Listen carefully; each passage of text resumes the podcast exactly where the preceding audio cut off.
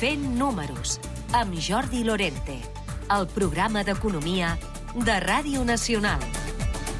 Bona tarda, benvinguts un dimarts més a aquest eh, Fent Números, el programa d'economia que pretén assessorar, ajudar i motivar en diversos àmbits de l'economia amb clau nacional, però també en clau global. Avui els nostres col·laboradors són els protagonistes totals d'aquest eh, programa d'aquest dimarts. D'una banda, hem de parlar amb l'Enric Galí del que és la renda variable on invertir pensant en que hi haurà més risc. De fet, l'últim programa amb ell parlàvem d'aquesta renda fixa, que té menys eh, capacitat de risc. Doncs avui ens eh, centrarem en aquesta renda variable i en els productes financers que ens poden ajudar a invertir-hi. També volem parlar amb el Pere Auger d'aquest acord d'associació amb Brussel·les i d'aquest acord financer. Eh, es va parlar molt fa unes setmanes de que era molt perjudicial per Andorra, però les coses s'han anat posant a lloc i es parla de reciprocitat, és a dir, amb els bancs que vinguin aquí i els eh, d'aquí que sortim a fora. Ara en parlarem de seguida. I també amb el Carles Martínez Illescas farem una repassada del que és, doncs, des del punt de vista de sèries, de pel·lícules o de llibres, l'economia, i també des d'un punt de vista per a gent més jove, per què no, per endinsar aquest eh, públic que està creixent en l'àmbit econòmic. Doncs tot això és el que tenim avui. Gràcies per ser amb nosaltres. Comencem.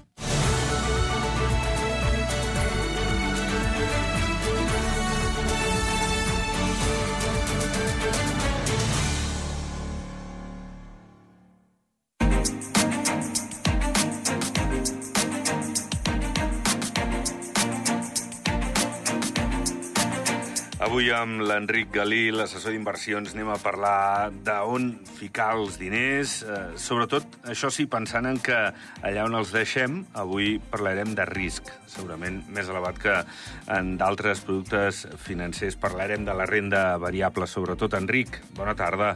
Hola, bona tarda a tothom. Bé, hem de parlar això, que qui no arrisca no pisca, no?, mm. que diuen. Eh, vull dir que eh, aquí estem parlant de diners, que és cosa sèria, però, però bé, evidentment, el, el risc és més elevat quan parlem de renda variable, no? Evidentment, la setmana passada o la darrera vegada vam parlar de, sí. de renta fixa, d'acord, per a inversors més conservadors, més tranquils, és a dir, començaves ficant un import, cobraves un cuponet i sabies a quan anaves a morir, normalment, si no hi havia cap accident entre el mig, perquè també amb renta fixa, per molt fixa que diuen, els accidents existeixen, i ara anem a buscar pues, actius pues, que ofereixen eh, més possibilitats de, de rendiment, és l'actiu que ens permet una mica batre la inflació, però actius que també comporten una mica més de risc. Primer de tot anem a parlar una mica què són les accions i què és, eh, què és la borsa. No? Les accions eh, és com si tu estàs comprant eh, una participació o accions d'una empresa. És a dir, tu te'n vas pel carrer, veus que hi ha una panaderia nova, molt xula, molt maca, i que està funcionant molt bé i t'agradaria invertir-hi. Però clar, això no és possible perquè és una empresa privada i és molt més llarg. Lo que és la borsa, d'acord? Eh, aquestes empreses són, que en diuen públiques, no que formen part del govern, són públiques perquè són accessibles i comprables. Tu pots anar i pots comprar accions d'Inditex, pots ser soci del senyor, Botín, ai, del senyor Amancio Ortega, sí. o pots ser soci de, de la senyora Botín si compres accions eh, del Santander. Et converteixes llavors en copropietari d'una empresa. Amb la compra d'accions, tu adquireixes uns drets eh, determinats sobre l'empresa, com per exemple dret de vot, dret d'informació o dret de participació en el que serien els dividendos. És a dir, moltes vegades compres una empresa buscant empreses que tinguin dividendos elevats. Refereixo a les típiques telefònica de sempre que pagaven un 7% de dividendos. Doncs tu, clar, aquí tenies possibilitat d'apreciació de l'empresa mm -hmm. o mhm. depreciació, però a part tenies el pago d'un dividendo. Pots invertir en accions directes, com hem dit, Santander, Telefòniques, algo més exòtic, Apple, Tesla, Coca-Cola, Louis Vuitton, que és el pur luxe, o pots anar-hi més simple via fondos d'inversió. Fondos d'inversió va quedar clar que també existien amb renta fixa, que eren com paquetets que empaquetaven una sèrie d'accions i feien més fàcil i més diversificat pues, accedir al mercat de, de renta variable.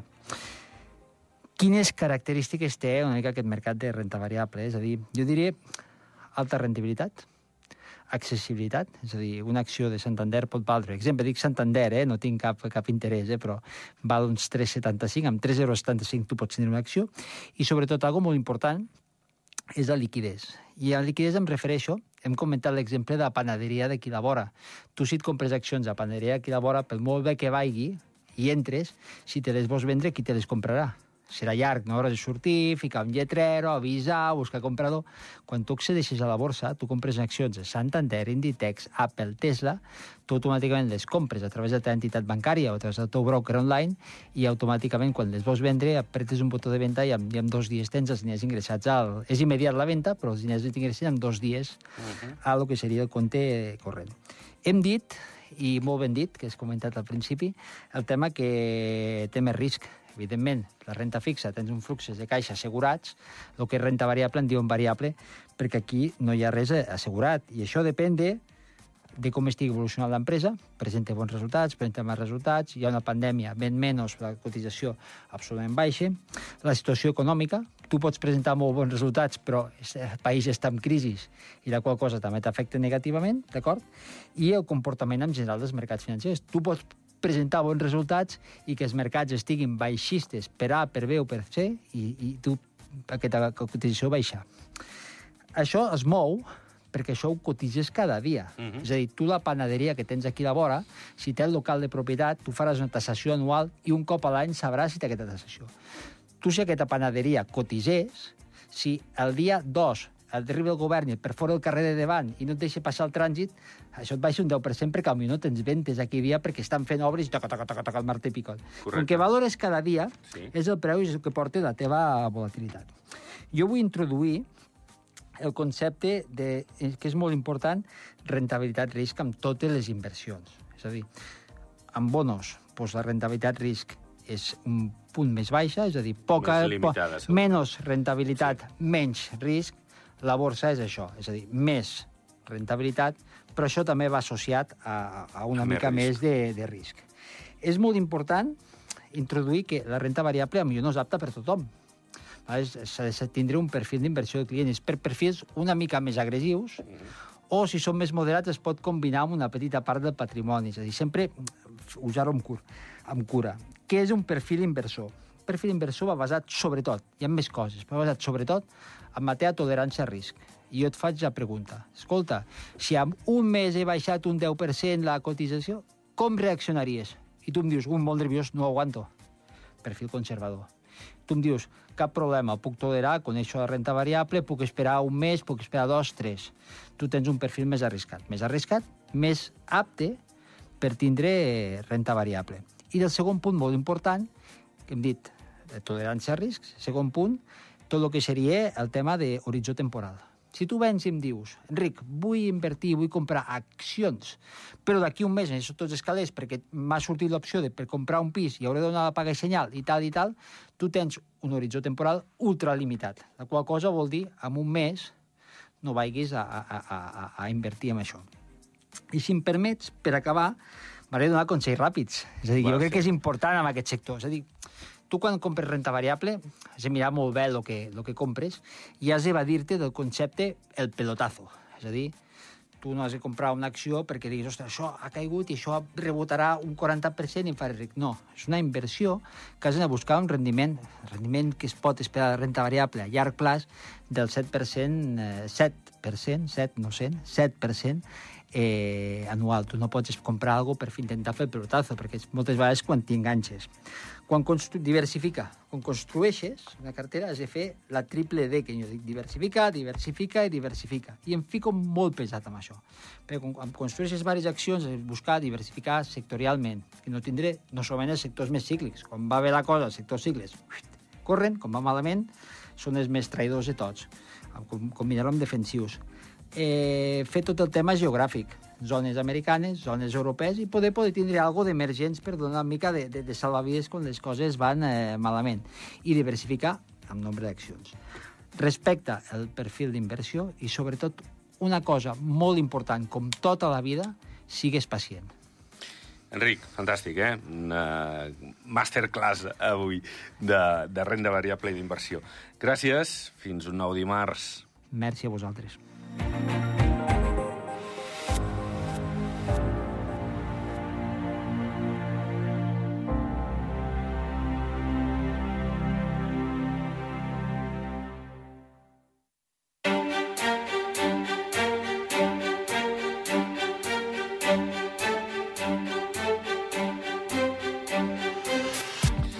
Avui ens ocuparem també en aquest eh, fent números d'aquest acord d'associació amb Brussel·les i d'una qüestió que, que va generar polèmica ara fa unes setmanes que sembla que està resolt i que serà, doncs, com a mínim, eh, recíproc amb, amb Europa i amb el que és el sector financer de bancs, especialment vers Andorra. Parlem d'aquest acord amb els bancs, aquesta reciprocitat.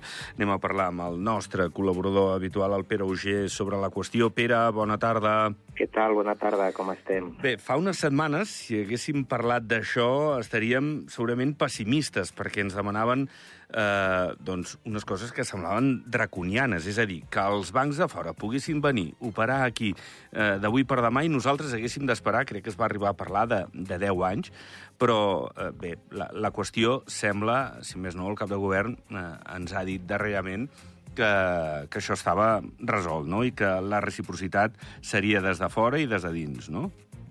Sí, de fet, uh, inicialment la veritat és que va espantar bastant uh, el, la proposta inicial que va fer la Unió Europea, no?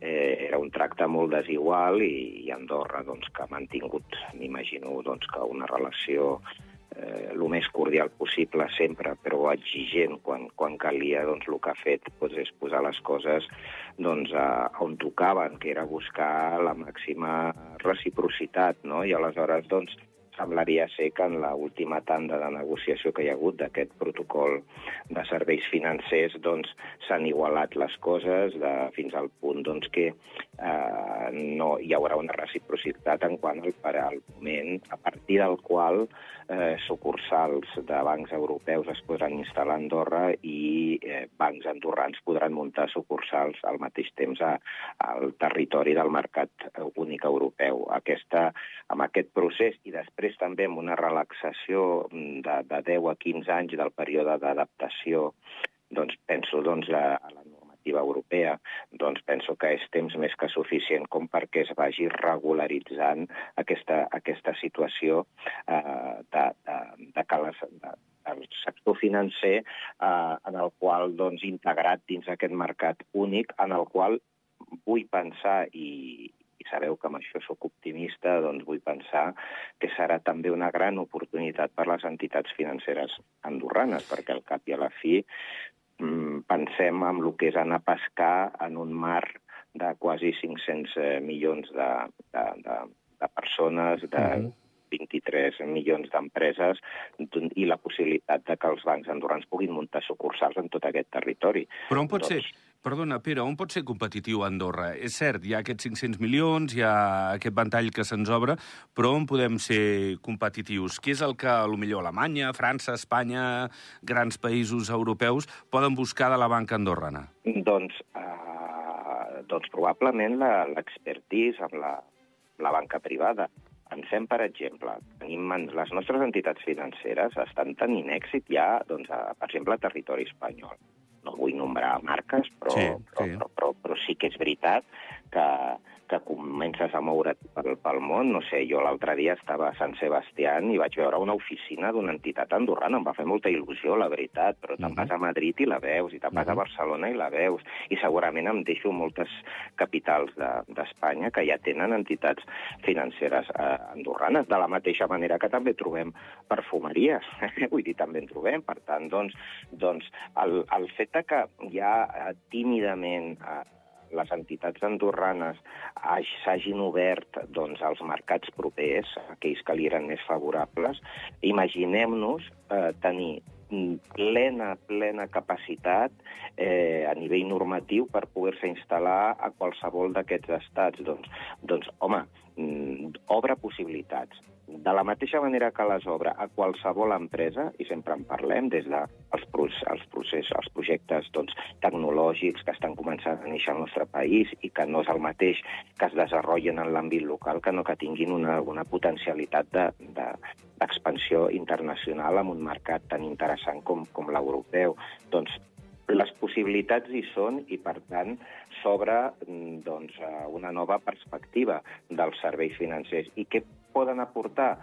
Doncs, home, eh, jo penso que tinc la sensació que, que eh, tant pel fet de, de ser entitats que estan instal·lades a Andorra amb les característiques particulars que ofereix el mercat andorrà i que a la vegada tinguin una extensió en un altre país, pot ajudar fins i tot a projectes empresarials transnacionals en els quals doncs, eh, tens, per una banda, doncs, eh, projectes d'Andorra que, que es projecten cap a fora a nivell empresarial i que tenen el seu acompanyament financer i al revés, doncs, projectes doncs, europeus que, que venen cap a Andorra i que tenen el seu acompanyament d'entitats eh, d'entitats eh, europees. És a dir, es produeix un escenari absolutament nou i crec que eh, dona la sensació que hi ha més oportunitats que no pas amenaces eh, en relació doncs, a, lo, a, a, les, a les perspectives econòmiques i de creixement que es, pot, que es poden donar al país.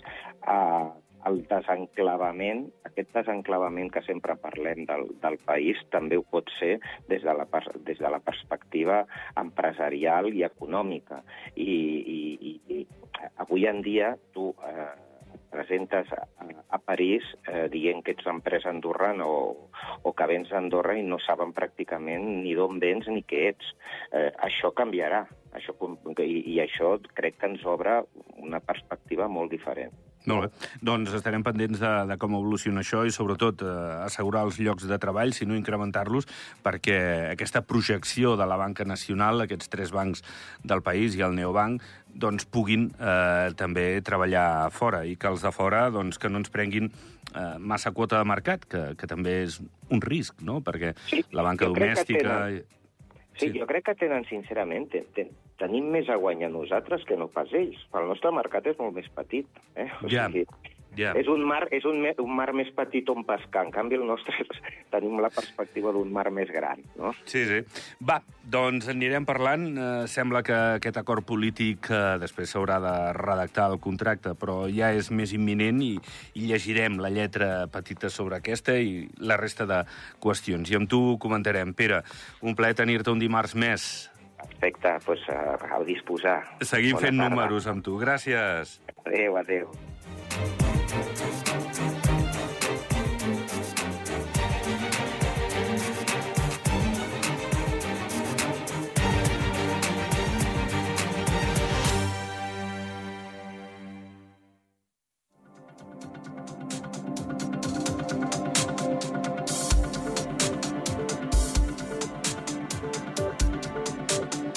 Avui, un dia més, eh, contem amb el Carles Martínez Illescas. Carles, bona tarda. Bona tarda a tothom. El professor d'Economia del Col·legi Sant Armengol, que ens parla d'aquesta secció, la seva, que, que va molt adreçada als joves, alumnes seus i a nanos, eh, en general, de la seva edat, per veure com inculcar-los i quelcom tan important com és l'economia a les seves vides ho serà. És una assignatura que, sens dubte, farà part de les seves vides. I avui ens volem centrar en aspectes més concrets per, per intentar doncs, captar-los d'una manera més visual, més gràfica, eh, fins i tot a través d'algun llibre, que, que comencin a, a sentir coses per l'economia, veritat? Sí, de fet és una pregunta que em fan sovint. Carles, com puc començar amb això de l'economia? Evidentment, jo recomano sempre fer classes d'economia. Si poguessis escollir fer economia i vols saber-ne d'economia, és ideal. També els llibres de text són ideals. Ara bé, jo entenc que hi hagi gent d'una branca igual més científica o una branca més d'humanitats, però que tot i així sent aquesta curiositat per l'economia i vol extreure'n una mica de suc, oi que m'entens, Jordi? Mm -hmm. Llavors el que podem fer avui és eh, explicar doncs, a partir d'alguns llibres, sèries, eh, pel·lícules, eh, com poden tenir aquest tastet d'economia que, que els pugui captar aquest interès, veritat? Exacte. Jo començaré pels llibres. Mira, eh, a mi hi ha dos llibres que m'han marcat bastant en el món de l'economia. El primer és L'economista camuflat, l'economista camuflado, l'economia de les petites coses. És de Tim Harford.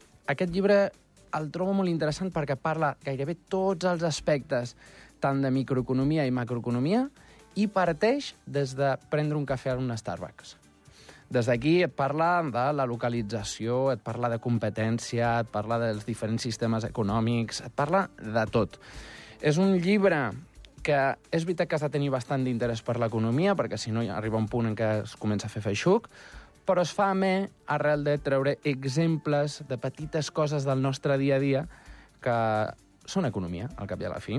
Mm -hmm. I és per uh, aquest tipus de, de joves de, de la teva edat, 16, 18 anys o... A mi me'l van regalar amb 18 anys. Mm -hmm. I, I la veritat és que el vaig eh, començar a llegir a llavors i, i l'he repetit. I goita tara, I- professor d'economia. Igual, igual una petita part de la teva addicció o estima a l'economia ve d'aquí. Doncs segurament, perquè el vaig llegir abans de fer la carrera i l'he llegit després. Mhm. I la veritat és que els dos cops m'han agradat i el segon encara m'ha agradat més, suposo perquè en tenia encara millors conceptes. Molt bé, el recordem, Carles. És uh, El economista camuflado, de Molt Tim bé. Harford. Primera recomanació. Una segona també de lectura. La segona que recomano moltíssim, sobretot si m'estan escoltant empresaris o gent emprenedora, és Liderazgo efectivo para el alto desempeño, LEAD. Eh, aquest llibre dona 13 competències pels líders, eh, perdona, pels líders Sí. Perquè puguin arribar a l'excel·lència. És molt interessant. És de Ignacio Fernández i Rodrigo Zambrano. Boníssim. D'aquest llibre n'he extret moltes idees, fins i tot pel llibre que he escrit jo, però és que a nivell empresarial de com crear, crear aquesta, i diu en comptes de jerarquia, crear redarquia, és a dir, xarxes en el personal per poder arribar a l'alt nivell de desenvolupament. És molt bo, el vaig trobar molt bo. Segona recomanació també literària. Per què no anem ara a la pantalla? Anem, Anem a la pantalla? Vinga. Sèries, cine, què vols? Mira, jo recomano la gent que té Netflix Mm. i hi ha una sèrie documental que es diu El dinero en poques palabres. Hi ha uns petits documentals que són en poques palabres que recomano moltíssim, són temes variats, però tenen un específicament del dinero. Atenció, atenció per què? Perquè és un programa americà i, per tant, hi ha moltes coses que fan molta referència, per exemple, quan parlen d'endeutar-se, de les targetes de crèdit, és un ambient molt, molt, molt americà. Per, aquí, per exemple, aquí no utilitzem tant eh, la targeta de crèdit ni tenim aquesta puntuació creditícia tan en ment com, com és la, la gent dels Estats Units. Mm -hmm. Llavors, la següent documental... N'hi ha molts, eh? M'ha Sí. costat moltíssim decidir-me per dos, eh?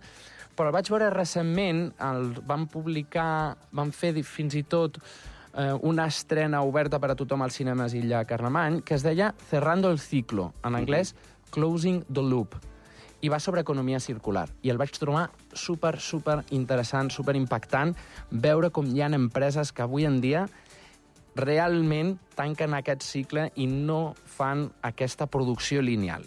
Mhm. Què vol dir la producció lineal?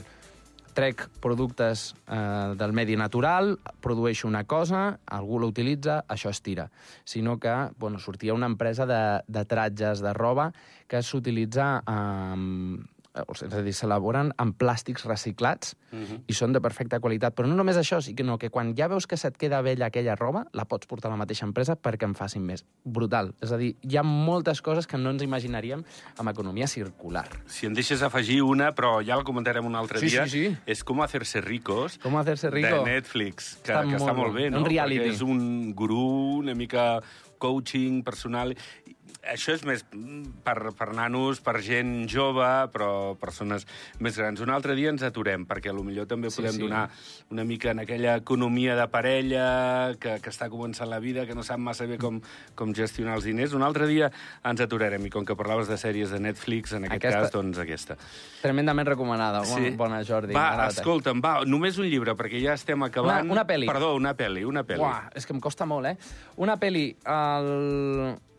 In Time. Si m'hagués de quedar una, em quedaria amb In Time.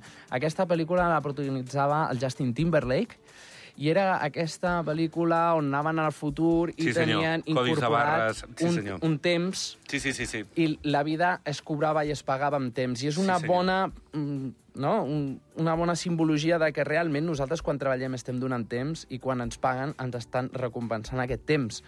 I, ostres, a mi em va impactar molt des del punt de vista microeconòmic eh, i fins i tot macroeconòmic, perquè hi ha un punt en què es parla de com es gestiona tot el temps en aquell, en aquell món del futur.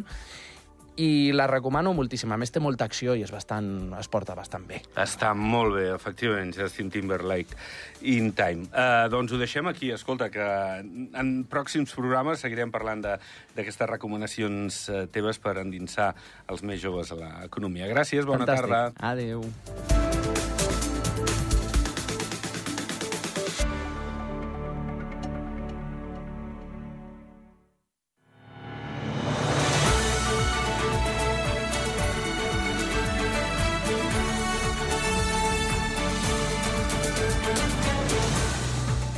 Doncs ja ho tenim pel dia d'avui. Fins aquí aquest programa aquest dimarts. Eh, recordeu, gràcies per escoltar-nos eh, aquí a la ràdio, però també ens podeu seguir per les xarxes. Dimarts que ve tornem. Que vagi bé.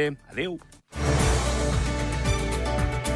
Recupera el programa a andorradifusió.ad i a les plataformes de podcast.